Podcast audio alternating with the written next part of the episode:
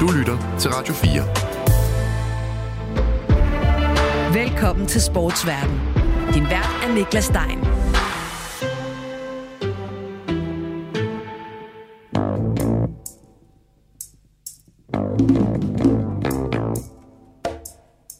Det her er allerførste afsnit af Sportsverden.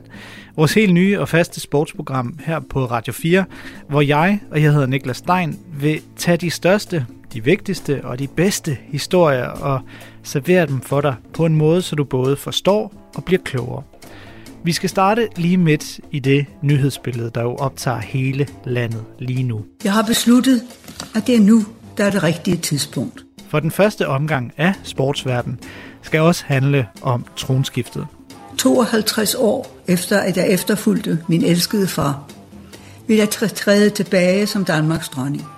Og det skal handle om dengang den daværende kronprins Frederik havde en plan. Jeg overlader tronen til min søn, kronprins Frederik. Han ville nemlig være medlem af den internationale olympiske komité IOC. Helt derind i sportsmagtens centrum, hvor beslutninger om værtsbyer, sportsgrene på OL-programmet eller dopingproblematikker bliver stemt igennem. Ah, the Olympics. The glory of our best athletes competing for greatness in shiny new stadiums for viewers around the world. Planen lykkedes, og som kronprins sad Frederik 12 år i IOC's magtfulde inderkreds. Men det skete ikke uden hed debat og kritik allerede dengang i 2009, hvor kronprinsen gjorde alvor af planen. Just elected Danish Crown Prince as an IOC member. Uh, can you explain how uh, it is possible for him uh, to keep himself free of political influence when you know he's always uh, bound to follow the political uh, opinion of the Danish government? Og det skal det handle om i dag. Vi skal forstå, hvad der skete og hvorfor det skete. Og det skal vi sammen med ham her.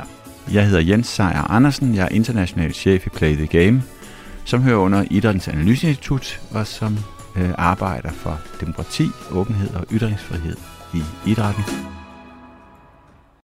Jens Seier Andersen har et særligt kendskab til IOC, som han har fulgt og dækket i efterhånden mange år.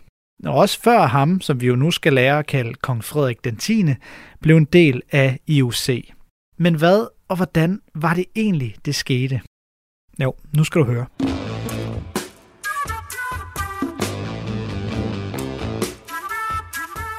Vores fortælling skal tage sin begyndelse i 2006. Den kunne faktisk godt være startet endnu tidligere, helt tilbage omkring årtusindskiftet, hvor ideen om en dansk kronprins i den internationale olympiske komité bliver plantet. Som det bliver fortalt i bogen Frederik, kronprins af Danmark, konge af en anden verden af Lars Jørgensen. Men det vender vi tilbage til.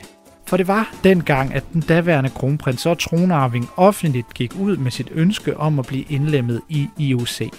Og så fik debatten ellers los. Fra både politisk hold og i pressen blev der så tvivl om, hvorvidt det overhovedet var forenligt at have et politisk neutralt kongehus, hvis tronarvingen også skulle sidde midt i sportspolitikkens højborg. That's very simple, absolutely not a problem. Og til tider en ganske betændt højborg, og blandt IOC-kolleger med, skal vi ikke bare sige, blandet CV'er. If there is any contradiction, he will simply abstain from taking the floor and of voting. Også det vender vi tilbage til, men kritikken fik ikke den sejlglade kronprins til at ændre kurs. Han var betaget af den olympiske ånd, som han siden fortæller i bogen Under bjælken af Jens Andersen i 2017. En bog, hvor kronprinsen flere gange husker tilbage på tiden omkring IOC-missionens start. Jeg blev enormt inspireret af den ånd og dynamik, som er så speciel i de uger, sommer-OL varer. Det, at hele verden virkelig bruger meget tid og energi på at følge vidt forskellige sportsgrene. Og klodens bedste atleter er samlet på ét sted i en meget kort tidsperiode. Missionen lykkedes. Kronprins Frederik blev officielt IOC-medlem under en IOC-kongres i Bella Centeret i København i oktober 2009. Forud gik, som bogen Konge af en anden verden fortæller, en tid, hvor embedsværk og kongehusrådgivere blev sat i fuld sving med at klargøre Frederik til opgaven, når nu det stod klart, at han havde tænkt sig at fuldføre det. Et koordinationsudvalg blev nedsat, så kronprinsen kunne klædes ordentligt på til den nye rejse, der først for alvor skulle begynde i 2010 på en kongres i kanadiske Vancouver. Den første IOC-kongres med et medlem af det danske kongehus som stemmeberettiget.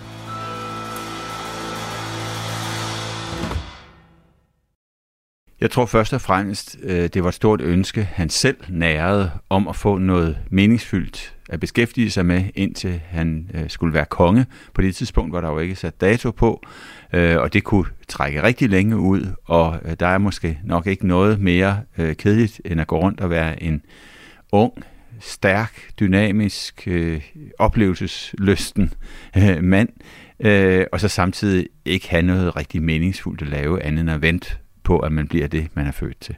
Så øh, ud fra hvad jeg ved, og jeg skal sige, jeg har ikke været på indersiden af kongehuset, og øh, heller ikke med til de vigtigste regeringsmøder, så var det ham selv, der skubbede ret hårdt på.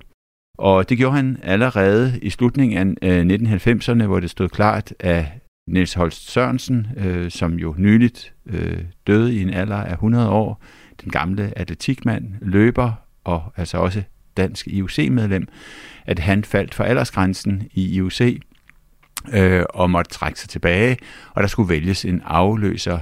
Og allerede dengang, der var øh, kronprins Frederik, der forsøgte han at køre sig selv i stilling. Og der må jeg sige, der oplevede jeg det ret øh, usædvanlige, at under et årsmøde i DIF, hvor kronprinsens ansøgning blev nævnt selvom man jo normalt behandler kongehuset med den yderste respekt, øh, dronningen øh, er og var jo øh, Danmarks Idrætsforbunds protektor, så lykkedes det på en eller anden måde meget diskret at gøre lidt grin med kronprinsen. Der var sådan lidt tøhø rundt i kronen. Sådan en ung mand fra kongehuset troede han virkelig, at han skulle ind og være IOC-medlem. Noget så øh, vigtigt politisk. Og udtalelserne fra Danmarks Idrætsforbund dengang var jo også, at de mente, at det ville være en uheldig konstruktion. Det var altså så cirka 25 år siden, hvor øh, Frederik gjorde sit første forsøg. Men da Kai Holm så selv faldt for aldersgrænsen øh, 10 år senere og skulle udskiftes i 2009, samme tidspunkt som øh, Danmark var vært for noget, der er meget, meget sjældent forekommende, nemlig en olympisk kongres, øh, så øh, fik DIFs pibe en anden lyd. Øh, på det tidspunkt så var det måske nærmest sådan, at man ikke rigtig kunne forestille sig, at nogen andre end en kongelig kunne afløse Kai Holm. Vi tog ud på sejltur, hvor vi kunne tale frit, og Kai Holm sagde, at han gerne ville have, at jeg fulgte i hans fodspor i USA, og at der ikke var en plads, der automatisk blev nedarvet fra dansker til dansker. Det var noget, man skulle gøre sig fortjent til. Han sagde også, det er en særlig familie, den olympiske. Men det er et godt sted at være.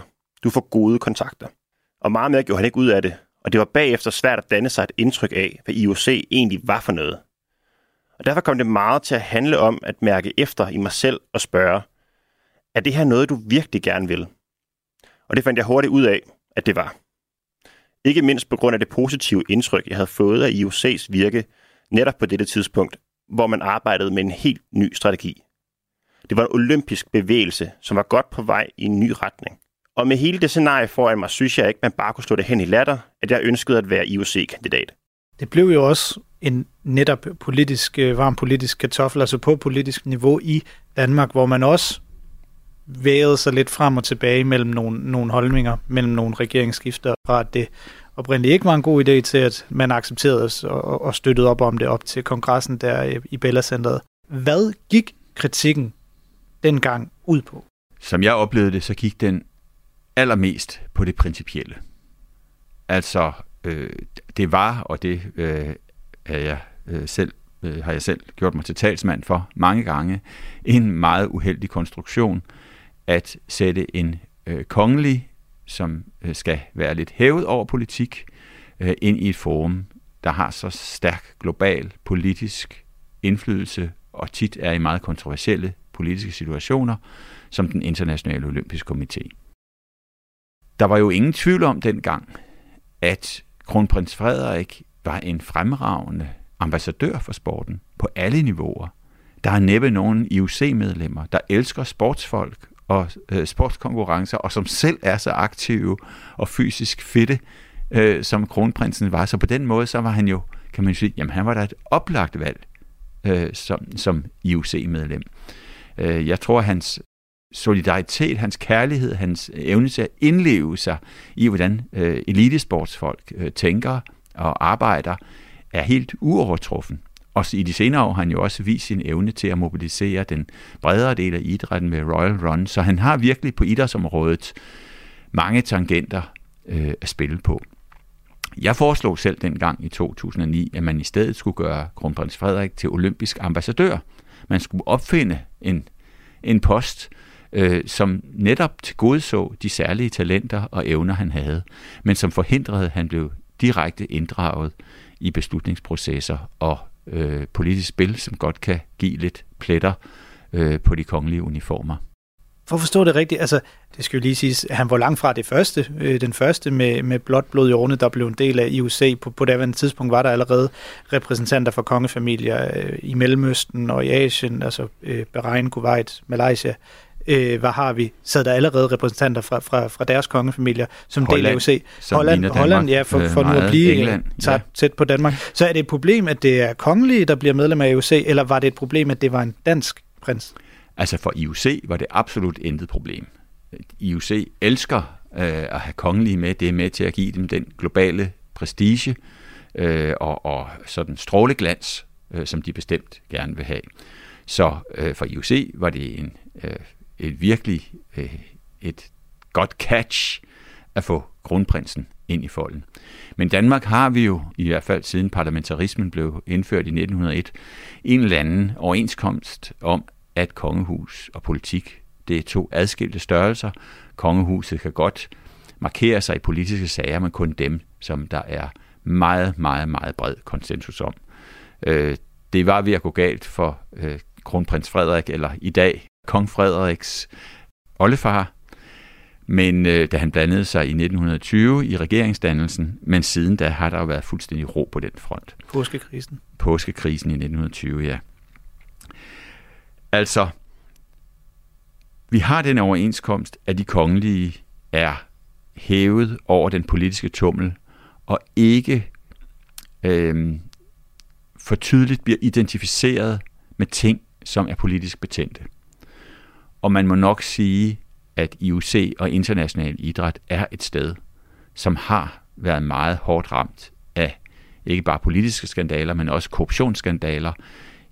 Øh, I de sidste 10 år, ikke mindst, har vi set, hvordan mange offentlige anklager rundt om i verden, altså politimyndigheder, i langt højere grad har fået øje på, hvad det er for et spil, der foregår i international idræt, og hvilke kriminelle kræfter, der alt for ofte er blandet ind. Og at sende en kronprins, der skal være ubesmittet ind i sådan en kreds af folk, det var allerede i 2009, hvor bevidstheden måske ikke var så høj som i dag, øh, stærkt problematisk.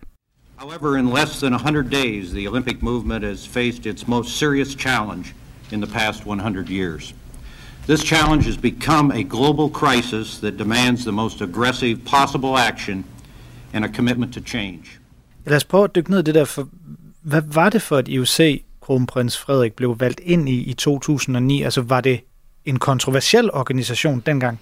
Det kommer nok an på, hvilket, øh, hvilke briller man tager på. Set fra Play the Games synsvinkel med vores viden om, hvad der foregik i idrætsorganisationerne, øh, så var det meget kontroversielt, og IOC havde jo 10 år forinden, altså mod slutningen af sidste århundrede, været indblandet i en meget stor korruptionsskandale og havde også et ry for ikke at have taget doping alt for alvorligt.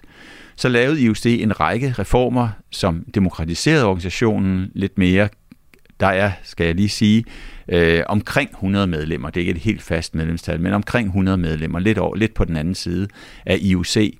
Og det er altså ikke medlemmer, som er valgt nedefra til at repræsentere nogen i IUC. Det er medlemmer, som IUC selv udpeger. IUC er en selvsupplerende organisation. Og det er også, når vi netop snakker øh, nationale repræsentanter, og det er meget vigtigt i kronprinsens tilfælde, så er det sådan, at de faktisk ikke repræsenterer, Øh, for eksempel dansk medlem, repræsenterer ikke Danmark i IOC, de repræsenterer IOC i Danmark. Og oven i købet skal alle medlemmer aflægge en dyr ed på, at de til enhver tid vil sætte IOC's interesser og den olympiske bevægelses interesser over alt andet. Og det synes jeg, det var endnu en principiel betænkelighed set fra min side ved, at kronprinsen overhovedet skulle ind i det, fordi hvad havde man egentlig forestillet sig i det øjeblik, der, der var en alvorlig international politisk krise, og IOC valgte det forkerte hold? Skulle, skulle han så øh, være forpligtet af den ed, han havde øh, aflagt over for IOC? Det synes jeg var meget svært at, at forestille sig.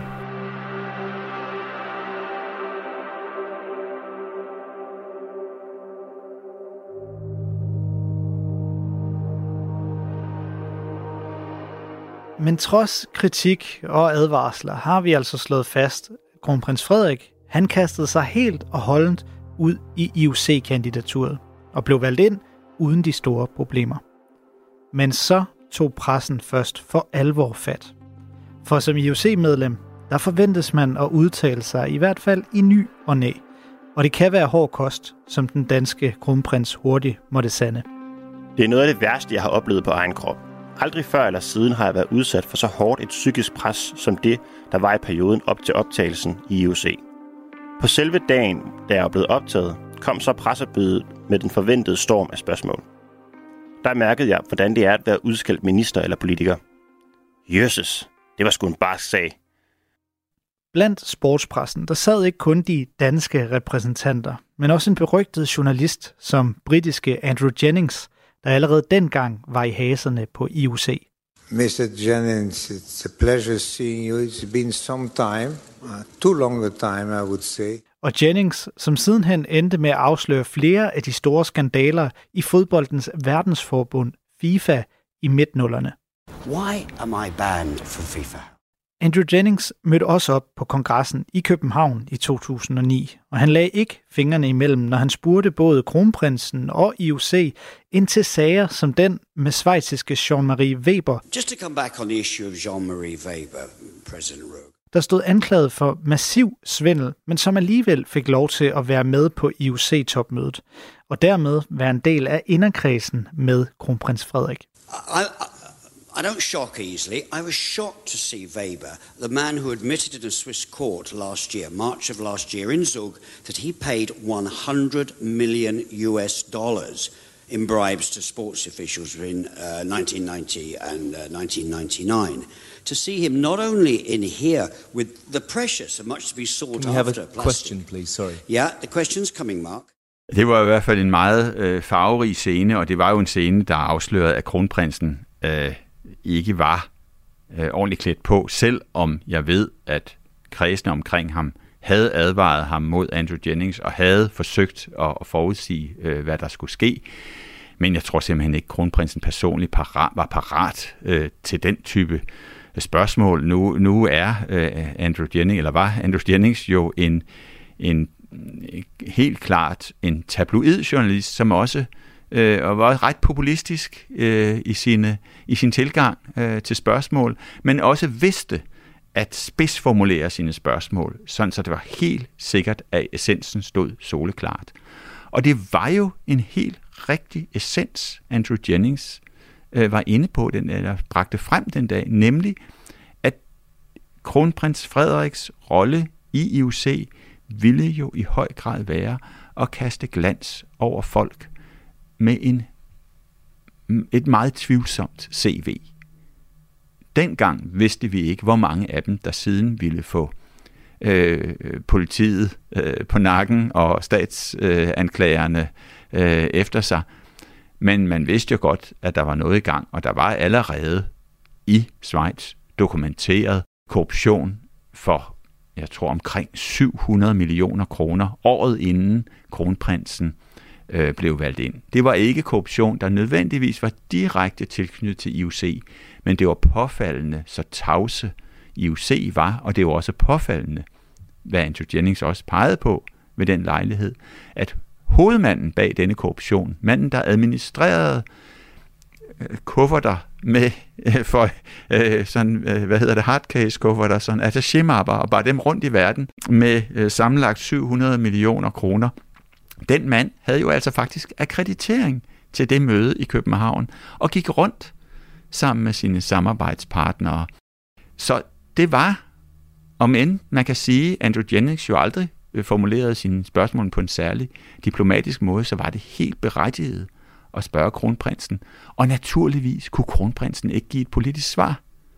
Det er jo ikke kronprinsens skyld. Det ligger jo igen i selve konstruktionen, som var helt fejlagtig og som måtte øh, gå galt, kan man sige. Det var mit første møde med en anden type journalister og journalistik. Det meste af det, jeg kendte til IOC, havde jeg læst om i aviserne, og ellers hørt mig til. Jeg prøvede hele tiden at visualisere det i mit indre, men det var ikke nemt, uanset hvor kvalificeret hjælp man havde eller søgte. I flere omgange talte jeg med den hollandske kronprins, hvis kandidatur havde været til hård debat i hjemlandet.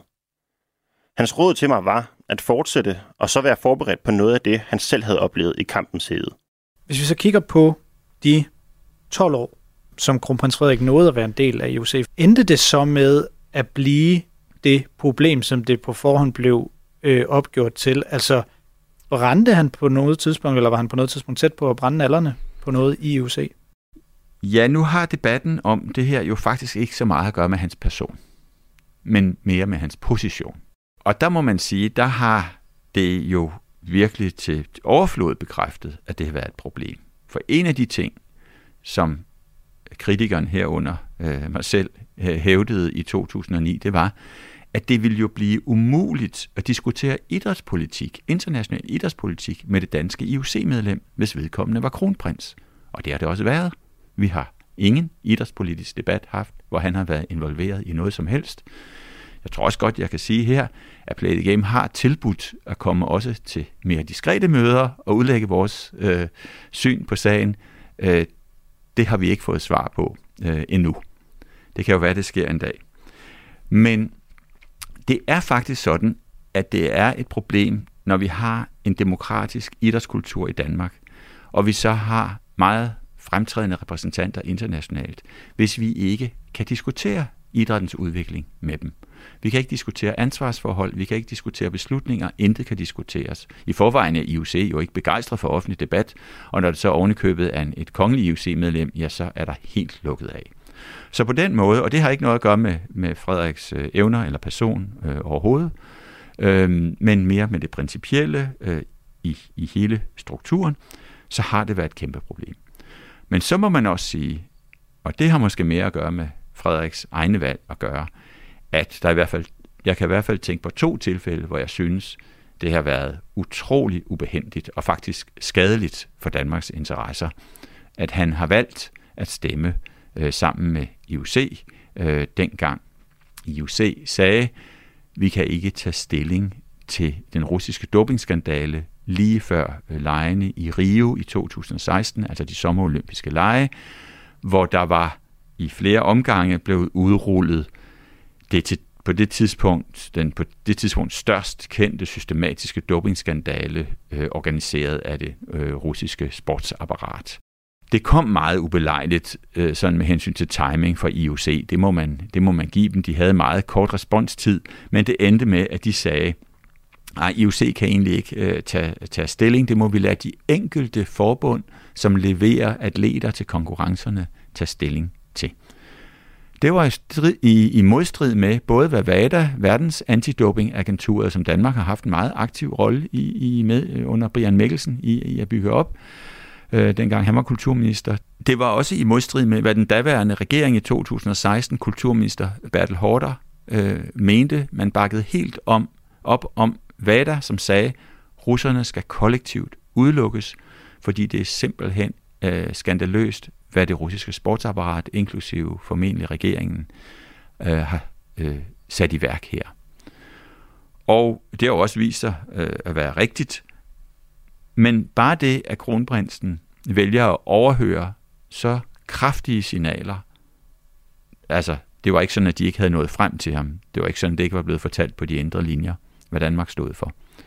Øh, og stemme imod den danske regering, det synes jeg faktisk var, det var meget skuffende, og det var også en politisering af hans kongelige rolle, som øh, var helt øh, forkert. Jeg har jo fået på puklen for at sige, at jeg stod inden for det, IOC havde meldt ud. Og jeg er blevet beskyldt for at have talt imod den daværende kultur- og sportsminister i Danmark. Det har jeg ikke gjort, og jeg ville have bedrevet udenrigspolitik, hvis jeg ene mand havde bedt om at få ordet i IOC-forsamlingen og sagt, jeg synes, det er forkasteligt, at alle russiske sportsudøvere ikke blev udelukket. I den her sag var jeg bedre klædt på end andre, der så det udefra, fordi jeg havde fået en viden omkring, hvad IOC's begrundede holdning til det var. Løsningen blev som bekendt, at den olympiske komité opstillede en række skærpede krav, som alle internationale forbund skulle vurdere de russiske OL-deltagere ud fra. Det var en færre løsning, der i øvrigt også blev bakket op af VADAs nuværende præsident Craig Reed, samt den tidligere VADA-præsident Richard Pound, og det var den løsning, jeg stod på mål for. Det gør jeg stadig.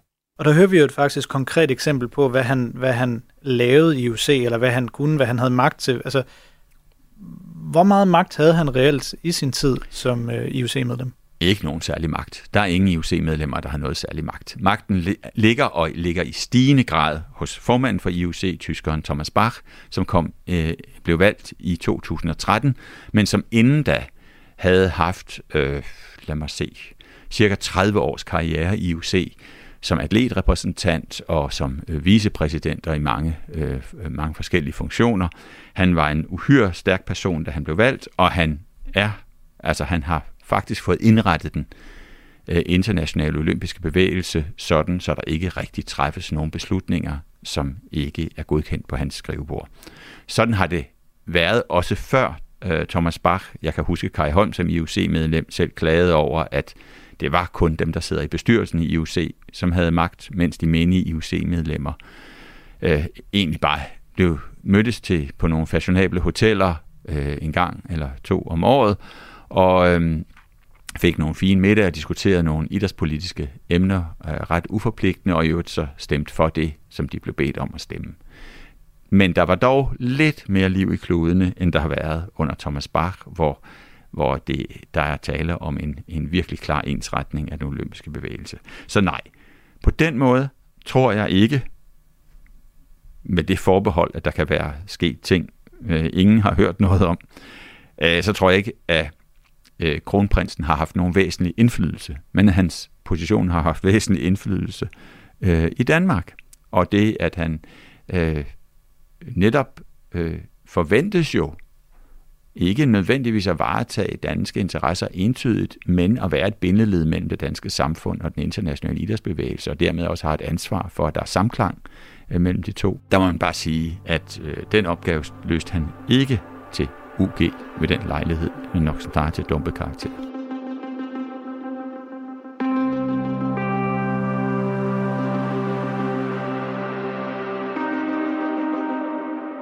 Den daværende kronprins Frederik endte med at sidde i IOC i hele 12 år. Som IOC-medlem bliver man valgt til 8 år ad gangen, så da den danske tronarving igen skulle på valg i 2017, ja, så blev det til 8 år mere. Men han valgte kun at fuldende halvdelen af sin anden periode. I 2021 trak kronprins Frederik sig fra IOC og satte et punktum for fortællingen. Kronprins Frederik stopper som aktivt medlem af den internationale olympiske komité i UC. Det skriver kongehuset i dag på sin hjemmeside. Med det punktum, der i 2021 blev sat af ham, vi nu skal kalde konge, sætter vi også et punktum for historien. En historie om en sportsglad prins, der nu er Danmarks konge, og som kastede sig ud i en svær balancegang mellem sport og politik, og alt det, der er derimellem. Da jeg i 2006 meddelte, at jeg agtede at stille op som kandidat til IOC, sagde kritikerne, at det var begyndelsen til enden for monarkiet, og at sport og politik aldrig måtte blandes. Pressen opfattede mig som en meget blåøjet og ikke særlig analytisk begavet mand. Men jo længere tid der er gået, og jo længere tid jeg har været i IOC, har jeg vist, at jeg godt kan begå mig i den sammenhæng, og også godt kunne finde ud af at navigere i forbindelsen med spørgsmålet om udelukkelsen af Rusland i Rio. Men jeg må da indrømme, at der var en enkelt gang, da stormen rasede på sit højeste. Jeg tror, det var i 2008, hvor jeg tænkte, okay, det er nemmest bare at lade være. Jeg behøver jo ikke lade mig beskyde med æg og tomater på den her måde. Jeg kan da bare trække mig tilbage og koncentrere mig om min tilværelse som lykkelig nygift. Kan jeg ikke det?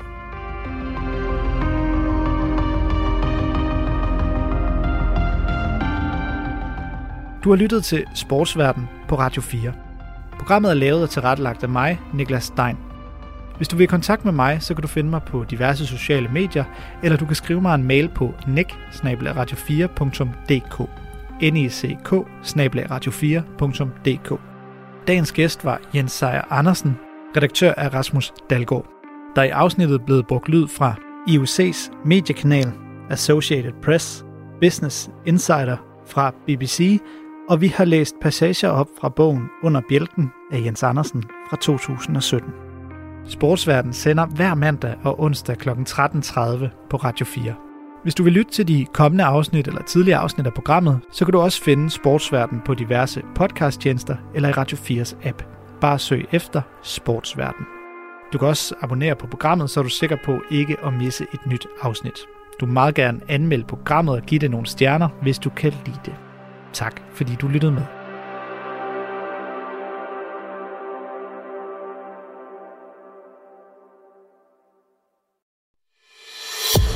Du har lyttet til en podcast fra Radio 4. Find flere episoder i vores app, eller der, hvor du lytter til podcast. Radio 4. Ikke så forudsigeligt.